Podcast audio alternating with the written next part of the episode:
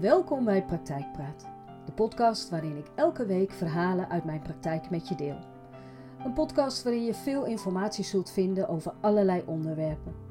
Mijn naam is Angelique van der Wetering, therapeut, mindset coach en spreker. Mijn grote liefde heeft alles te maken met bewustzijn en mindset. Mensen bewust maken en in beweging brengen, dat is mijn grote passie. Ik heb het allermooiste vak van de hele wereld en ik neem je dan ook graag mee in de verhalen uit de praktijk. Ik wens je veel inspiratie. In onze moderne samenleving worden we voortdurend geconfronteerd met allerlei verwachtingen en normen die anderen op ons leggen. Vanaf jonge leeftijd leren we hoe we ons moeten gedragen, welke idealen we moeten nastreven en hoe we ons moeten presenteren aan de wereld. Maar te midden van al deze druk is er één groot belang, die vaak over het hoofd wordt gezien: het belang van jezelf zijn. In deze podcast wil ik de kracht van jezelf benadrukken en laten zien hoe het nastreven van je ware zelf kan leiden tot een gelukkig leven. Jezelf zijn is geen eindbestemming, maar eerder een reis die je gedurende je hele leven onderneemt. Het begint met het verkennen van je eigen waarden, interesses en passies. Het betekent eerlijk zijn tegenover jezelf, over wie je werkelijk bent, zonder jezelf te verbergen achter maskers of valse identiteiten. Het kan een uitdagende weg zijn, want het vereist het loslaten van de verwachting van anderen en het durven tonen van wie jij bent. Maar juist door het leven achter een masker of een leven in de schaduw weten veel mensen niet meer wie ze zijn, zoals Lois. Lois, ze is net dertig jaar en zoals ze zelf zegt, oververmoeid. Dat ga ik niet doen. Met een vermoeide blik kijkt ze mij aan. Omdat? vraag ik. Omdat ik dat niet kan maken. Ze zien me aankomen. Nee, dat ga ik echt niet doen. Ik kijk haar aan en blijf even stil. Liever doorgaan tot je er neervalt? Nou, dat gebeurt niet zomaar hoor. Haar ogen worden donker. Met opgetrokken wenkbrauwen zeg ik: Niet? Dat is toch al twee keer gebeurd? Lois snuift. Ik was gewoon vermoeid, dat was alles. Iemand die gewoon vermoeid is, gaat niet zomaar van de benen, Lois. Iemand die gebukt gaat onder stress en uitgeput raakt omdat ze maar doorgaat wel. Ik denk even aan haar mail die ze mij stuurde, waarin ze vertelde over haar jeugd, de ontmoeting met haar vriendin en hoeveel moeite ze heeft gehad met haar omgeving toen ze hem vertelde verliefd te zijn geworden op een vrouw. Het gevecht met haarzelf en haar omgeving hebben haar heel veel gekost. Lois haalt haar schouders op en staart voor zich uit. Ik ga niets aangeven op mijn werk. Het gaat niemand iets aan. Lois, het is op. Jij bent op. Wanneer ga je jezelf eens serieus nemen en toegeven dat het zo niet goed komt? Het is op, Lois. Zelfs op je werk zien ze dit en geven ze aan dat je misschien even tijd voor jezelf moet nemen. Wat is dat toch met jou, dat je maar door en door gaat? Voor wie? Voor jezelf? Voor anderen? En wat, heeft, wat heb je daar tot nu toe mee bereikt? Je slaapt niet meer, je lichaam heeft de ene ontsteking na de andere, je trekt je steeds meer terug en kunt niet meer genieten van het leven. En iedere dag is een gevecht. Je partner kan je niet meer bereiken. En zelfs hier wil je je hoofd in het zand steken en niet inzien hoe ernstig de situatie is. En dat gaan we niet doen. We gaan samen niet gesprekken lang in discussie. Je weet heel goed hoe de vlag erbij hangt. En we gaan het beestje gewoon bij de naam noemen. Lois lijkt geraakt en kijkt me met grote ogen aan en begint te vertellen. Ik was een meisje van veertien toen ik voor het eerst echt verliefd werd. Ze heette Lisa en ze zat bij mij in de klas. Ik, ik was nog nooit echt verliefd geweest en wist me geen raad meer met mezelf.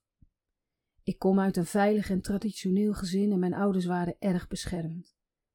Ik was niet alleen verliefd, maar ook bang. Bang voor de reactie van mijn omgeving en dan vooral voor mijn ouders.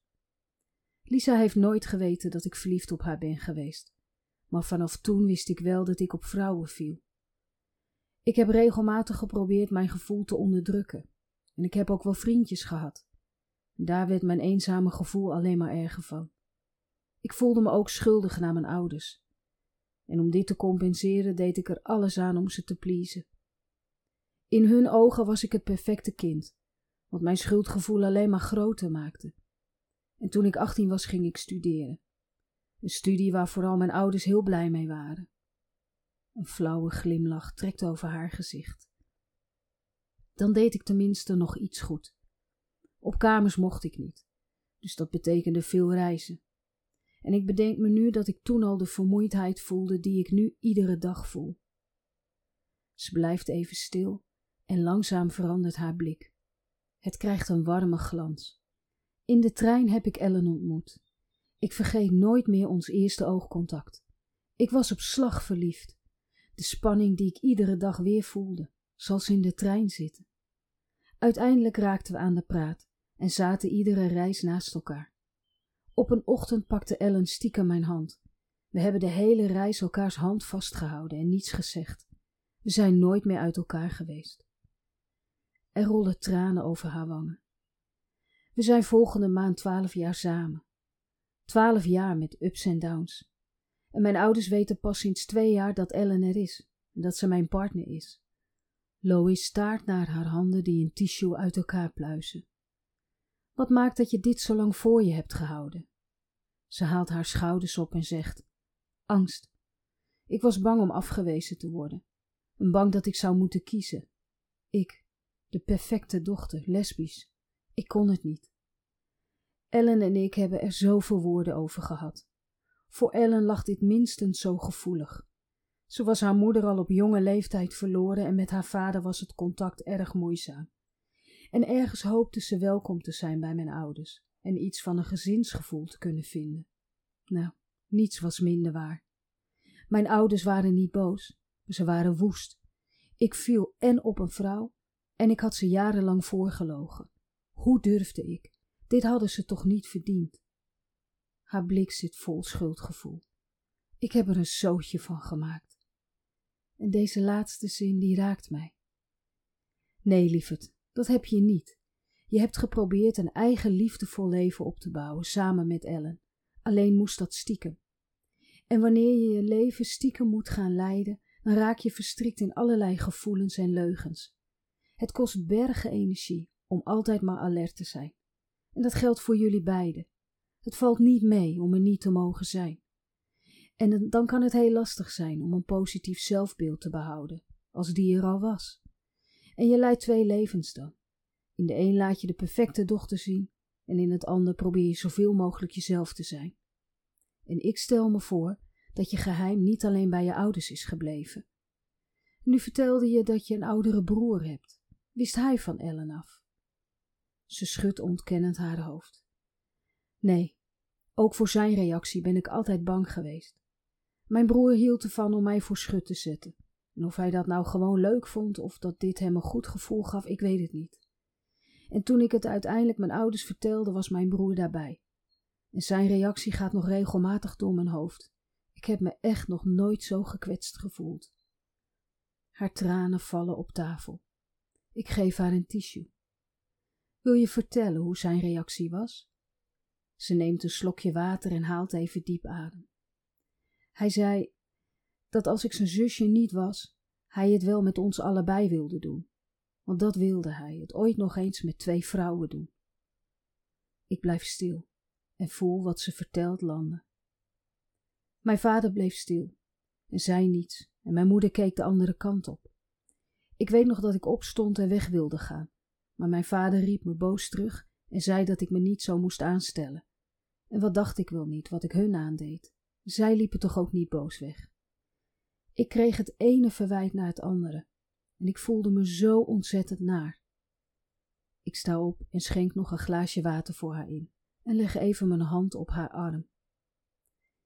Ik heb na het gesprek lange tijd niet meer, niets meer van ze gehoord, maar zij ook niet van mij. Tot een half jaar geleden. Mijn vader belde. Ik weet nog dat mijn hart even stil stond. Even had ik de hoop dat alles goed zou komen. Maar niets was minder waar. Ze hadden er goed over nagedacht en ze wilden Elle wel ontmoeten, maar zouden haar nooit als mijn partner accepteren. Ik moest er maar over nadenken, zei mijn vader. We zijn een half jaar verder nu en ik kom er niet uit. Ik sta ermee op en ik ga ermee naar bed. Hoe staat Ellen hierin? Ellen is gekwetst, maar wil mij niet in de weg staan. Ik knik. Lois, ik wil dat je iets gaat doen. Ik wil graag dat je voor jezelf gaat opschrijven hoe jij wilt dat jouw leven eruit moet zien. En laat daarbij alle ja-maar-vragen en wat-als-vragen achterwege. Je hoeft even met niemand rekening te houden, alleen met jezelf. En hou daarbij rekening met het geluk van één persoon. Lois glimlacht. Ellen. Ik schud mijn hoofd. Nee, jouw geluk. Haar wenkbrauwen gaan omhoog. Ja, maar geen ja vragen, Lois. Laat die achterwege. Twee weken later kijken de grote ogen van Lois mij vragend aan. Totaal niet haalbaar wat ik heb opgeschreven. Ik glimlach en begin te lezen. Het leven dat mij gelukkig maakt. Laat me zijn wie ik ben. Ik ben Lois en mijn geaardheid maakt mij niet een beter of slechter persoon. Mijn geluk doet dat wel. Ik ben er namelijk van overtuigd dat ik daar een beter persoon van word. Ik droom ervan geaccepteerd te worden en met Ellen overal waar we willen hand in hand te lopen. Ik droom ervan om moeder te worden, samen met Ellen. Ik wil me niet meer verstoppen en mijn leven in de schaduw leven. Ik wil mezelf kunnen zijn. Ik wil voor mezelf kunnen opkomen wanneer ik gekwetst word of wanneer er iemand over mijn grenzen gaat. En wanneer dat betekent dat ik mensen ga verliezen omdat ik mezelf en gelukkig ben, dan wil ik daar sterk mee om kunnen gaan. Ik wil dat er van mij gehouden wordt en ik wil mezelf van mezelf leren houden. Ik wil lachen, genieten, ik wil leven. Ik kijk op en zie dat de tranen over Lois haar wang lopen.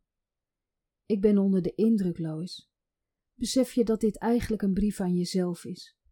En alles, alles wat daarin staat is haalbaar. Alles, Lois. En daar gaan wij samen naartoe werken. Ze veegt haar tranen uit haar gezicht en zegt: Ik weet niet hoe. Het voelt zo onbereikbaar. Lieverd, zolang je blijft denken zoals je denkt, blijft doen zoals je doet en blijft pleasen voor de lieve vrede, dan zul je blijven krijgen wat je altijd hebt gekregen. Er zal niets veranderen. Jij niet, de omstandigheden niet en de mensen om je heen niet. Pas wanneer je jezelf op nummer 1 zet en je leven gaat leiden zoals jij dat wilt, gaat alles veranderen. Jij, de omstandigheden en de mensen om je heen. Ze kijkt me met een verdrietige blik aan. Mijn ouders zullen nooit veranderen. Dat weet je niet, Lois. Je weet alleen wat je tot nu toe hebt ervaren. Je hebt altijd alles gedaan naar hun wensen. Zijn, ze zijn nooit uitgedaagd om enige moeite voor jou te doen. En waarom ook? Dat deed jij toch al. En ik ben heel benieuwd wanneer het erop aan gaat komen wat jouw ouders gaan doen. Je vader geeft je deze keuze omdat hij ervan uitgaat dat je het accepteert, zoals je dat altijd hebt gedaan. Je bent hier niet om anderen tevreden te houden. Je bent hier om de beste versie van jezelf te worden en je meest gelukkige leven te gaan leiden. En de mensen die van jou houden worden daar ook gelukkig van, want bij hen gaat het erom dat jij gelukkig bent. Maar er staat je eerst iets te doen. Ze kijkt me vragend aan en houdt haar hoofd schuin. Haar aandacht is gevangen. Alles in je brief heeft eerst met jou te maken. Wat je van een ander verlangt, zul je eerst zelf moeten laten zien. En dat betekent dat je jezelf zult moeten accepteren om wie je bent. Pas dan ga je jezelf zien. Je zult eerst zelfgeluk moeten voelen. En om dat te kunnen voelen, moet je dingen doen waar je van houdt en waar je blij van wordt. En wanneer je jezelf accepteert en je je eigen geluk kunt voelen, creëer je een positief zelfbeeld en zelfrespect. En wanneer iemand je kwetst of over je grens gaat, zorgt je zelfrespect ervoor dat je je grens aangeeft. Tot hier en niet verder. En dit alles is voor jouw toekomstige kinderen van groot belang. Want wanneer je als ouder niet je eigen problemen aangaat, worden het automatisch de toekomstige problemen van je kinderen. Want hoe gaan zij goed voor zichzelf zorgen als jij dat niet kunt? En hoe ga je ze dat leren? En wanneer je je grenzen niet kunt aangeven, hoe gaan jouw kinderen dat dan doen? Lois haar wangen kleuren rood. Het klinkt zo logisch allemaal, maar ik weet niet waar te beginnen. Schrijf een brief aan je ouders. Laat daarin weten hoe je je leven wilt leiden. En laat ze weten dat het jouw leven is, wat ze kunnen accepteren of niet. Een brief waarin je laat weten wie je bent en wat jou gelukkig maakt. Schrijf dat op. Schrijf op wat je kwijt wilt. En laat de brief dan bezinken. En denk erover na of je de brief ook daadwerkelijk wilt sturen. Maar misschien wil je de brief uiteindelijk wel voorlezen. Maar begin eerst maar met een brief. Lois wrijft in haar handen. Ik heb het zweet in mijn handen staan bij het idee dat mijn ouders mijn verhaal gaan lezen. Een paar weken later krijg ik een mail, met daarin de brief die Lois aan haar ouders heeft geschreven. Ze schrijft: We hebben deze week een afspraak staan en ik zou graag mijn brief met je willen delen. Ik ben bang, bang voor hun reactie en bang dat ik de plank missla met mijn brief. Ik begin haar brief te lezen. Mam, pap, het voelt bijna alsof ik mezelf opnieuw moet voorstellen. En ik denk dat ik dat toch maar gewoon ga doen. Ik ben Lois, jullie dochter. Ik heb jullie genen en jullie bloed. En dat ik van een vrouw hou, staat daar volkomen los van. Ik heb altijd het gevoel gehad de perfecte dochter te moeten zijn. En dat is iets dat ik graag bij mezelf hou, omdat ik er zelf voor gezorgd heb dat dat beeld is ontstaan. Ik heb dat zelf in stand gehouden. Mijn keuzes hadden namelijk niets te maken met mijn eigen wensen, maar met die van jullie. En ik hou mezelf voor dat jullie wensen te maken hadden met het beste voor mij. Iets met liefde. Ik heb mij niet gezien en gehoord gevoeld. Dat dit te maken heeft gehad met mijn eigen zelfbeeld, is iets dat ik nu leer. Ik heb mezelf nooit geaccepteerd en wist niet wie ik moest zijn. Twaalf jaar heb ik een leven in de schaduw geleefd en dat is vanaf nu voorbij. Ik wil mezelf kunnen zijn. En om dat te kunnen, zal ik eerst mezelf moeten terugvinden. Wie ben ik? Waar word ik blij van en wat maakt mij gelukkig? En misschien wel net zo belangrijk, wat is geluk? Ik hoop met heel mijn hart dat jullie deel willen uitmaken van mijn ontdekkingstocht, omdat ik denk dat er voor jullie ook nog veel te ontdekken valt. Want het leven kent vele vormen van geluk en liefde. Dat is wat ik jullie ook gun. Voor mij is er geen andere manier dan leren zijn wie ik ben. Mijn leven leiden zoals ik dat wil, ongeacht wat een ander daarvan vindt. Ongeacht wat jullie daarvan vinden. Ik heb mij voorgenomen om mij nooit meer te laten vertellen wie ik moet zijn en hoe ik mijn leven moet leiden. Ik zal jullie mening en beslissing accepteren, maar mij er niet door laten weerhouden. Ik wil dat er van mij gehouden wordt om wie ik ben, en ik wil van mezelf leren houden. Ik wil lachen, genieten. Ik wil leven. Met veel liefde, Lois. Er rolt een traan over mijn wang. De liefde voor haarzelf, waarmee ze deze brief heeft geschreven, raakt mij. En wanneer niet veel later Lois tegenover mij zit, kan ik een ontsnapte traan niet tegenhouden. Je hebt me geraakt met je brief, zeg ik, terwijl ik de traan wegveeg van mijn wang. Je schrijft dat je van jezelf wilt leren houden. En de liefde voor jezelf waarmee je de brief hebt geschreven is zo voelbaar en heeft mij echt geraakt. Voor Lois bleek het minder moeilijk om haarzelf terug te vinden. Het enige wat ze hoefde te doen was uit de schaduw te stappen. Haar vermoeidheid, die haar dwong te kijken naar haarzelf en het leven dat ze gecreëerd had, verdween langzaam uit haar leven. En voor haar ouders was de brief confronterend maar ook zij voelde de enorme liefde waarmee deze geschreven was. Ik weet zeker dat liefde altijd liefde zal vinden. En juist doordat Lois accepteert wie ze is en steeds meer van zichzelf gaat houden, lukte het de ouders van Lois te zien wat hun dochter ziet: geluk, liefde. En in welke vorm deze gegoten is, maakt niet uit. Liefde is liefde. Niet alle verhalen zijn succesverhalen.